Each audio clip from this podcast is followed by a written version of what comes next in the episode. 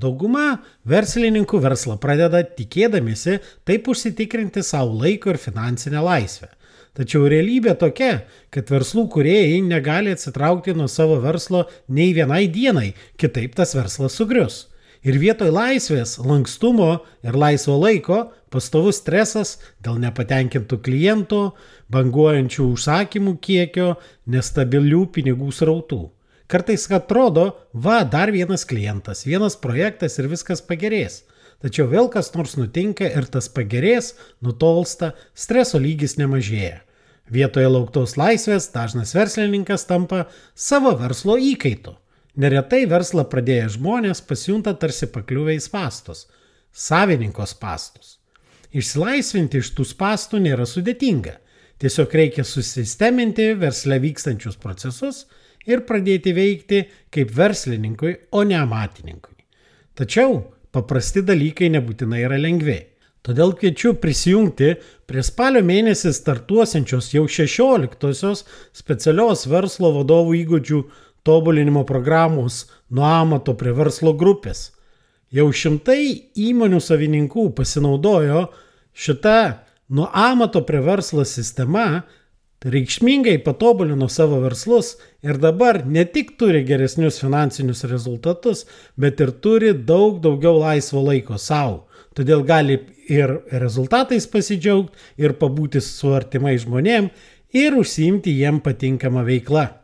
Daugiau informacijos rasite puslapyje www.amatasverslas.lt.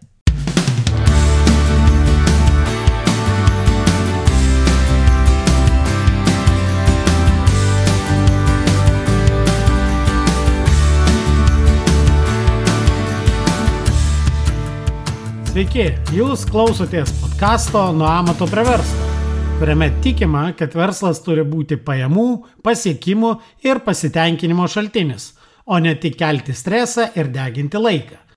Su jumis aš, šios laidos autorius ir vedėjas, verslo konsultantas, treneris ir efektyvumo fanatas Nerius Esinavičius. Jūs klausotės 38-ojo tinklalaidės epizodo.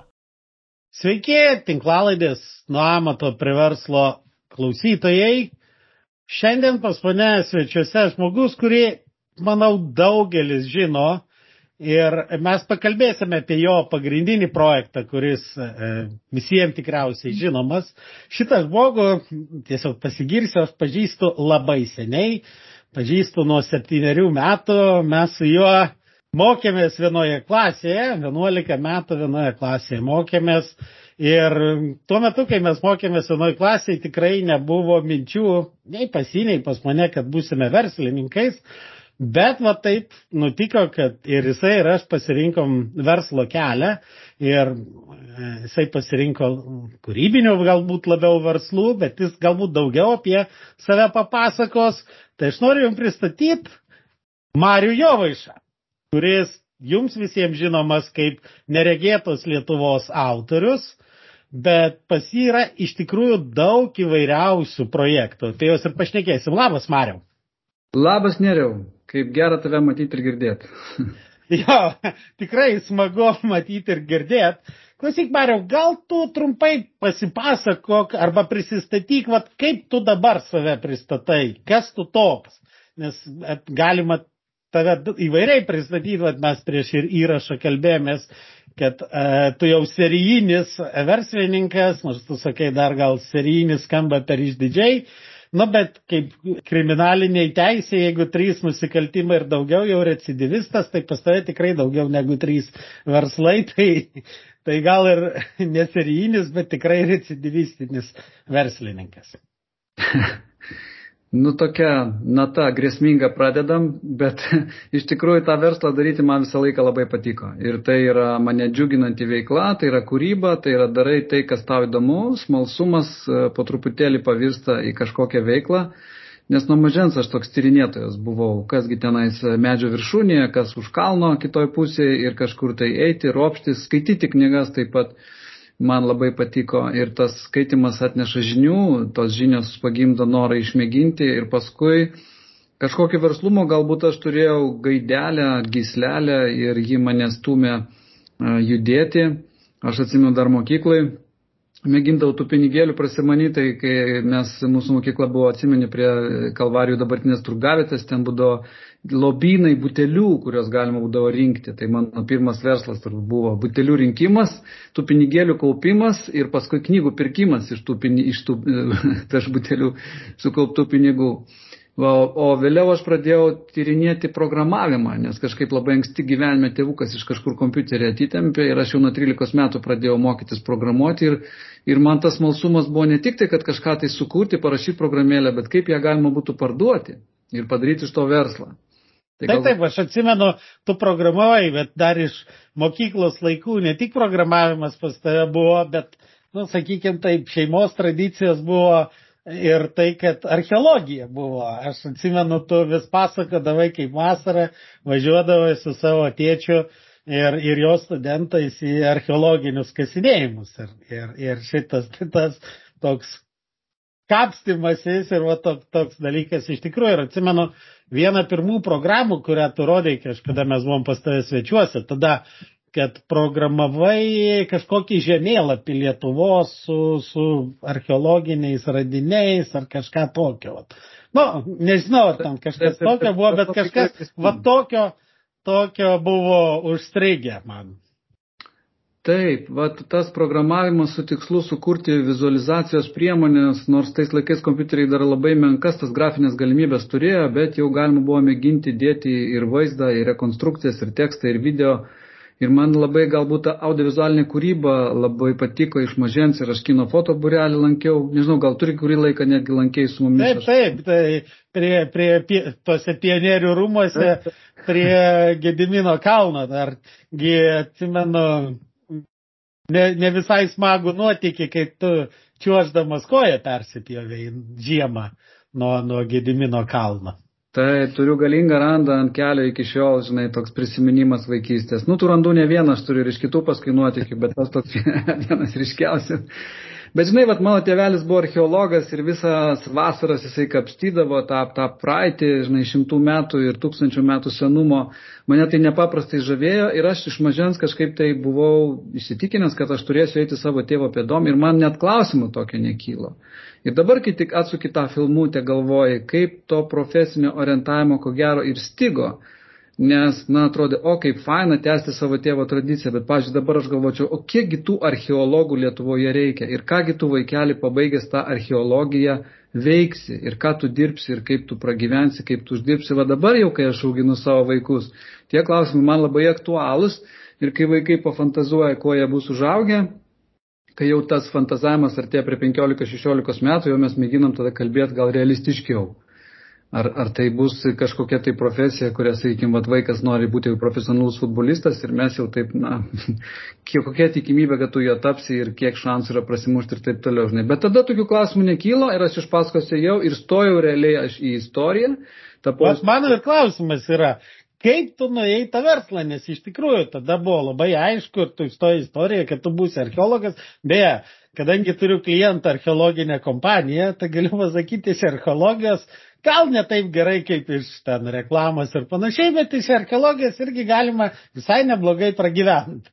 Tai, bet vat, kaip tu nusprendėjai nueiti, vat, vat, kaip nutiko, kad iš tos istorijos archeologijos, taga verslas Tai o kaip sakau, istorija turbūt buvo daugiau iš inercijos. Aš net nesusimastydamas nuo 6-7 metų, ką aš visą kaip užsuktas kartojau, kai, kai paklausdavau vaikelį, ko tu būsi, tai aš būsiu archeologas arba istorikas, nu vienas su, su kitu labai susiję. Ko gero, pirmą baigi istoriją, tada specializuojasi archeologija. Tai va tas buvo iš inercijos. Bet truputėlį po truputėlį brendo ir, ir, ir kadangi buvo ta gislelė verslumo ir noras užsidirbti savo pinigų ir noras kažką tai sukurti, ką žmonės įvertintų pirkimais. Tai yra tu padarai produktą ir žmonės jį perka. Ir man tas visada labai imponavo, kad uh, tu dirbi ne iš kažkokių ten subsidijų ar kažkokių paramų ar dar kažkokių projektų, bet tu darai perkamą produktą. Ir va tas autorystės noras sukurti, parašyti, išleisti, ar tai knyga, ar tai filmas yra, ar tai softveras kažkoks programa.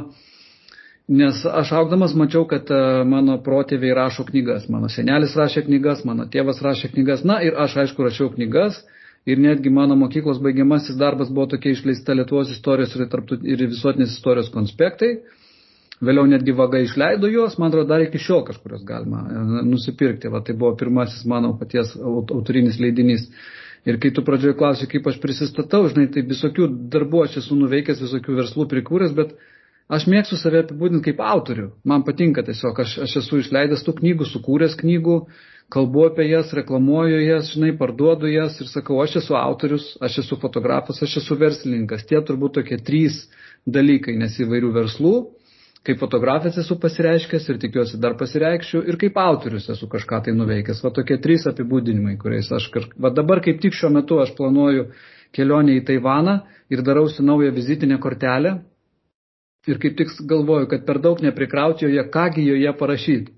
Tai Taivanė, kadangi daugiausiai fotografuosiu, tai nusprendžiu tiesiog ir parašyti Šai Inkši, tai yra fotografas. Mm. Trumpai drūtai. Nu, tai, čia tavo naujas hobis. nu, gal net ne hobis, apsėdimas jau mokytis e, kiniečių kalbos. Tai. Taip, galėsim vėliau apie tai irgi pašnekėti. Bet mokytis apskritai man patiko mokykloje, žinai, ir aš visai neblogai mokiausi, keletą buvo tokių tik tai prarajų, kada kažkur nugrybaudavau, praleisdavau kokią nors matematikos kelias temas ir esu vieną kartą net pataisą gavęs. Ar atsimenu, Edvardas tai... man padėjo susitvarkyti ir aš paskui turėjau. Ne, tai vėlgi, taip sakant, žinai, per šio laikinę prizmę žiūrint, tas devintas fortas, ta Vilniaus devinta vidurinė, nu, nebuvo labai lengva mokykla mokytis. Ten pataisas buvo pakankamai lengva gauti. Ir, ir, ir jeigu tai pasižiūrėt, tai iš tikrųjų ten, aišku, buvo daug gerų mokytojų, bet buvo daug ir tokių įdomių, sakykime, gal, gal jau matyt daugelio jų nelikė, tai gal apie juos blogai nekalbėsim, bet tokių keistų, sakykime, mokytojų. Tai, tai va, iš tikrųjų, taip sakant, e, mokytis mokėsi, bet velnių buvai priedęs mokykloje, tai šitą irgi pamenam, kaip istorikas buvai pakliuvęs net į labai rimtą bėdą.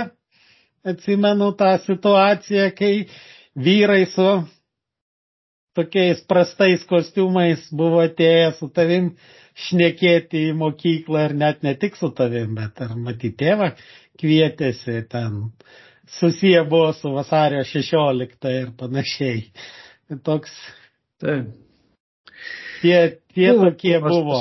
Mes tokie aktyvistai buvom, pamenį, ir, ir Jonas, Taip. ir Darius Jankauskas, ir tas lietuvystės tokia, ir, ir tas um, buvo įsivėlęs, aš tokių prirašęs proklamacijų, blogiausia, kad panaudojau tėvo spausdinimo mašinėlę ir ten per kalkę matėsi, kad jau tai yra kopijos, reiškia, tai yra jau masinė produkcija. Taip, taip. taip. ir atsišaukimų. Bet, ir... bet, bet, bet tu jau leidybą užsiminėjai.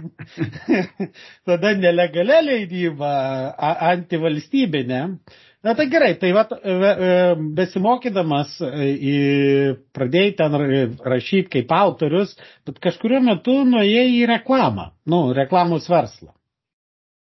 Į reklamos verslą aš pakliuvau per audiovizualinę kūrybą, per kompiuterinę grafiką, per video klipus, spецefektus, nes taip, bet pasisuko mano sugebėjimas programuoti, pavirto į sugebėjimą visokius daryti spec efektus, kompiuterinę grafiką, video montažą skirtą TV reklamos klipams ir komerciniam filmukam. Tiesiog, žinai, kartais gyvenime taip susi, susiklosto, susidarė toksai ratas draugų, kurie man parodė, mes vieni iš pirmųjų Lietuvoje, kokiais dar 94 metais pradėjom daryti tokią produkciją Ir visai tai buvo įdomu, nes tai yra ir kūrybos džiaugsmas, ir tie patys pinigai, tu kuri tos klipus, kažkas už tai moka, yra klientai, kurie užsako tą reklamą ir man buvo smalsu, kas toliau. Aš pradėjau skaityti knygas ir, ir suradau, kad tai yra tik tai viena iš reklamos formų, tada yra spauda, tada yra lauko reklama, tada yra visokiausios strategijos. Ir man pasidarė įdomu sukurti agentūrą, kuri darytų ne tik tai va tokius uh, video klipus, bet planuotų ištisas kampanijas ir, ir, ir mėgintų laimėti klientus tokius kaip ten Utenos alus arba Omnitel, arba bankai kokie nors, arba farmacinės kompanijos. Ir jie sako, štai mes pristatom naują produktą, kaip geriausiai jį išreklamuoti. Ir tada mes priklausome nuo to, kokia auditorija, kokios lėšos yra ir kokia konkurencinė situacija, kuriam tas strategijas, parenkam tas priemonės ir sukuriam viską, ir tos pačius klipus, ir spaudarius. Žiauriai įdomu. Ta, va, tai tu užsiemi tą pačią kūrybą, apie kurią svajoji, foto, audio, video ir, ir dizainas. Ir tu dėlioji strategiją, sukasi pakankamai reikšmingi pinigai, šimtai tūkstančių, galbūt net ir milijonai kartais dar lytų laikais ir tu gauni prisiliesti prie didelių kompanijų veiklos, pamatyti iš vidaus, kaip jie paleidžia naujus e, gėrimus, produktus, paslaugas ir, ir, ir telekomunikacijų visokiausius projektus. Tai buvo žiauriai, žiauriai įdomus tas etapas. Ir e, kadangi man visą laiką rūpėjo ne vienu darbu užsiminėti vienu metu, aš toks visada multitaskeris buvau. Tai aš niekada nebuvo, kad turėčiau vien tik tai vieną įmonę. Ir, mhm. Pavyzdžiui, buvo reklamos agentūra, tai toliau išliko ir vien tik tai videoklipų gamybos įmonė, kur aš su, su dviem partneriais turėjau. Tada dar aš įsteigiau elektroninės leidybos tokią įmonę, kuri darė visokiaus vadovėlius, elektroninės knygas, mažiau reklaminę, gal bet daugiau leidybinę. Tada dar aš įsteigiau paraleliai po truputėlį iš reklamos verslo išaugo dar toksai verslas personalo atrankos ir laikino įdarbinimo.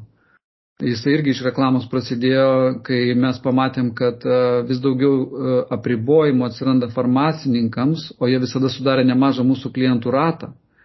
Ir kadaise dar buvo tokie laikai, gal tu pameni, kad per televizorių galim buvo reklamuoti receptinius vaistus.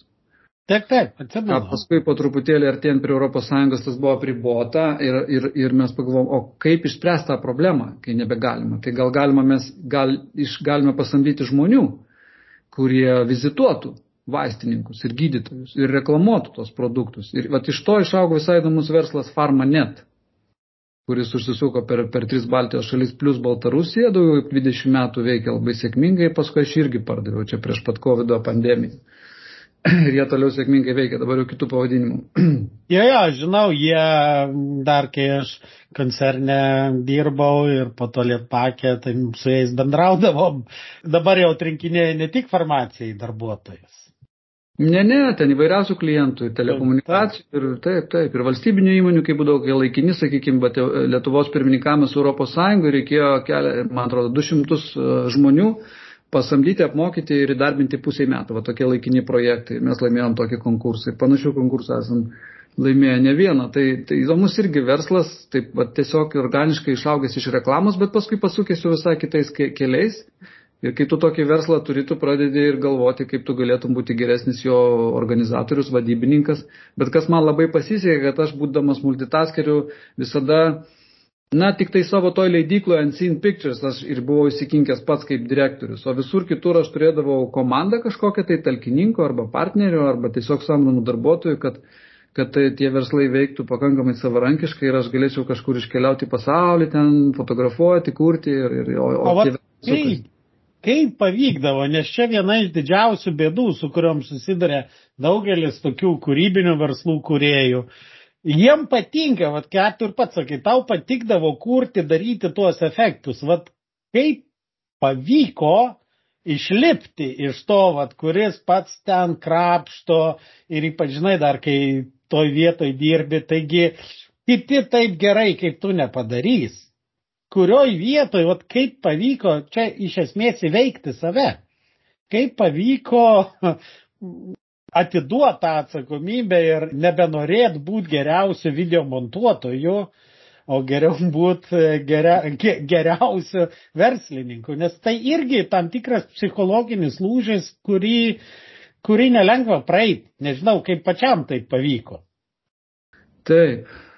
Gal reikėtų taip pasakyti, kad aš supratau, kad nebūsiu geriausias reklamos agentūros savininkas ir vadovas nes man rūpėjo daug kitų dalykų. Ir dešimtukė, penketukė mes niekada nebuvom pirmi, antri, nes tokia mano galva buvo kaina to mano multitaskingo ir kad aš norėjau užsimti įvairiais kitais dalykais.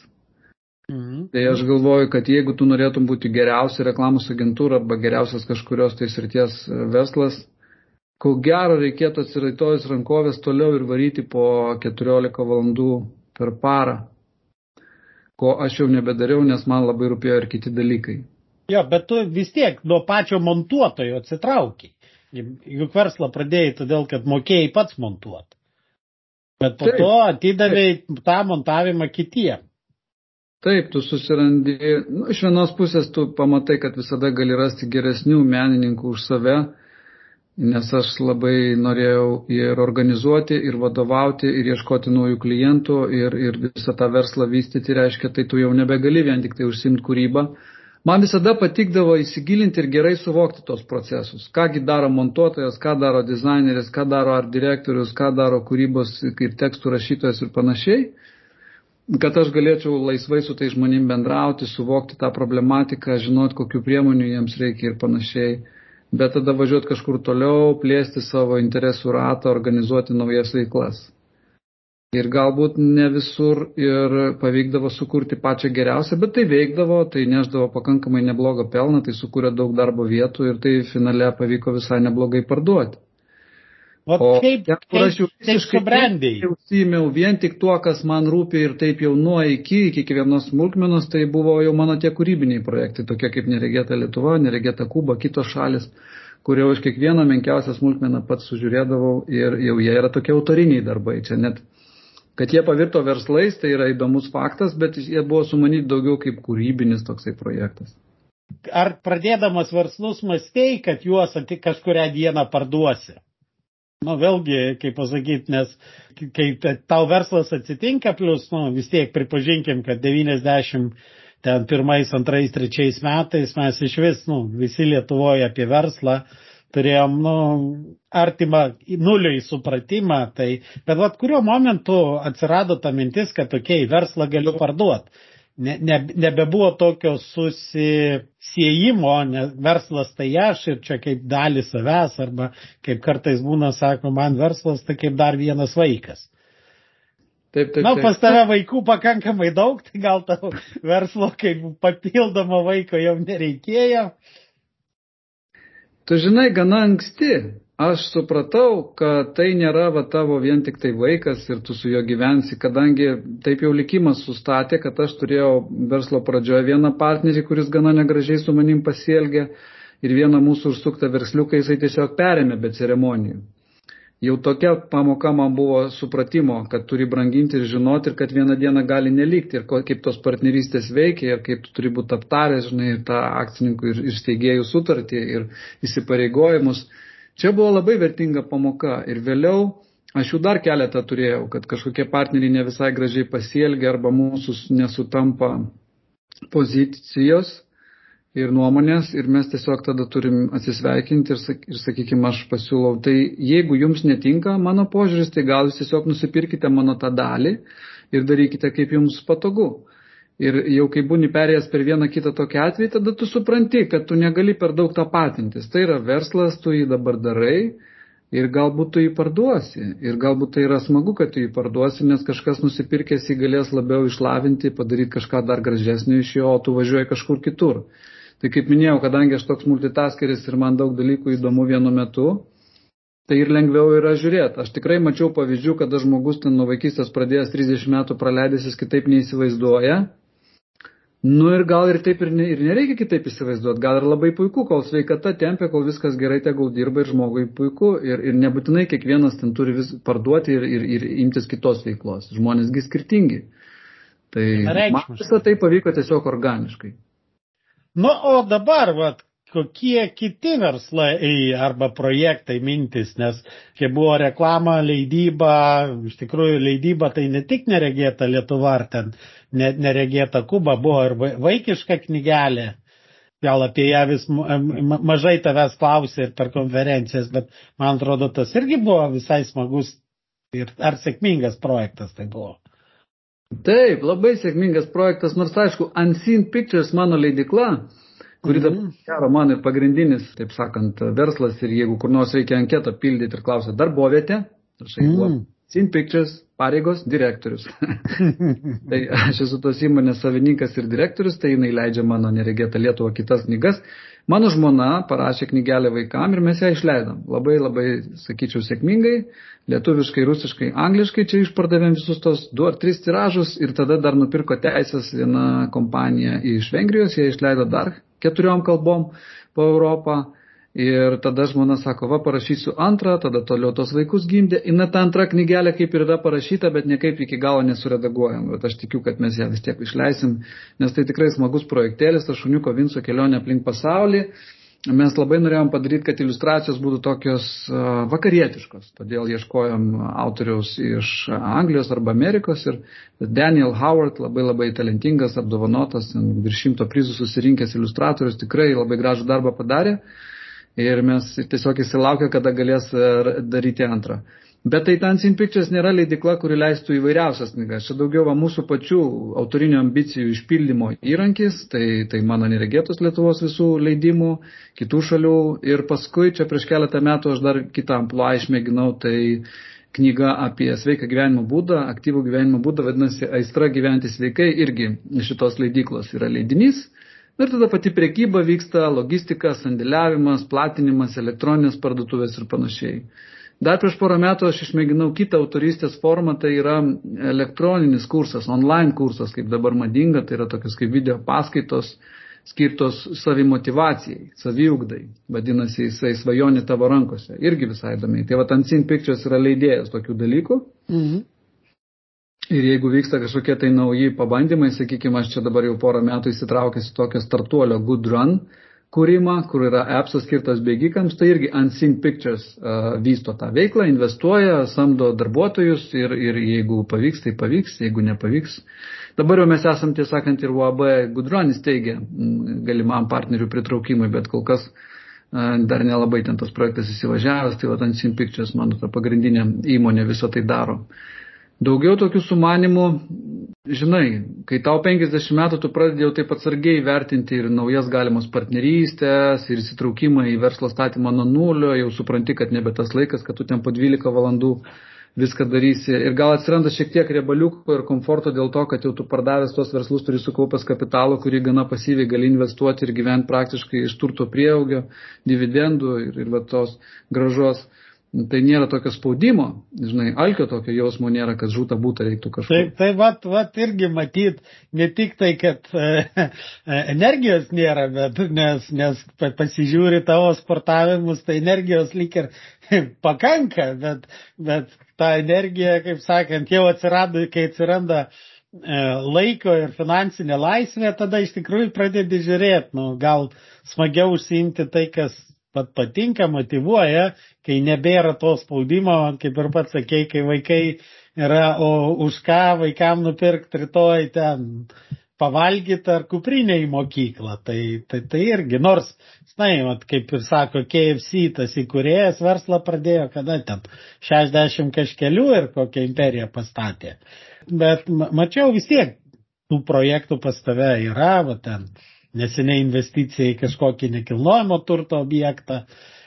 Taip, taip. Ten sulaukiai kritikos, kad su netinkamais batais po objektą vaikščiai, kur video buvo. Žinai, ir aš kodėl sakau, taip verta dalintis yra tais dalykais socialiniuose tinkluose, nes tu gauni daug feedbacko ir jisai kartais yra tikrai labai reikalingas. Aš atsimenu, tokie geri pavyzdžiai, žinai, čia prieš keletą metų, kai pradėjau kinų kalbą mokytis, paleidau, va, Hebra, mokausi aš kinų kalbos ir čia dabar turiu tokį iššūkį.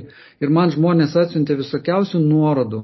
Vienas žmogus paskambino, pasidal... kadangi irgi jau metus buvo besimokęs, pasidalino savo sukauptą patirtim, kokie geriausi yra žodynai, kokie geriausi mokytojai, kur juos rasti ir panašiai. Ir žinai, Ir va aš labai, kartais aišku ir per nosį gauni, bet aš tikrai sužinau tokį faktą, kokį aš nežinojau, kad į statybvietę reikia eiti netgi su specialiais batais. Nu dabar žinosiu, gerai, viskas nieko neatsitiko. Dar čia rašo, kad ir šakiniais netgi specialiais, nežinau, kartais žmonės gali... Priklau, pri, priklauso nuo statybvietės, kadangi pačiam tenka tikrai dažnai vaikščiot.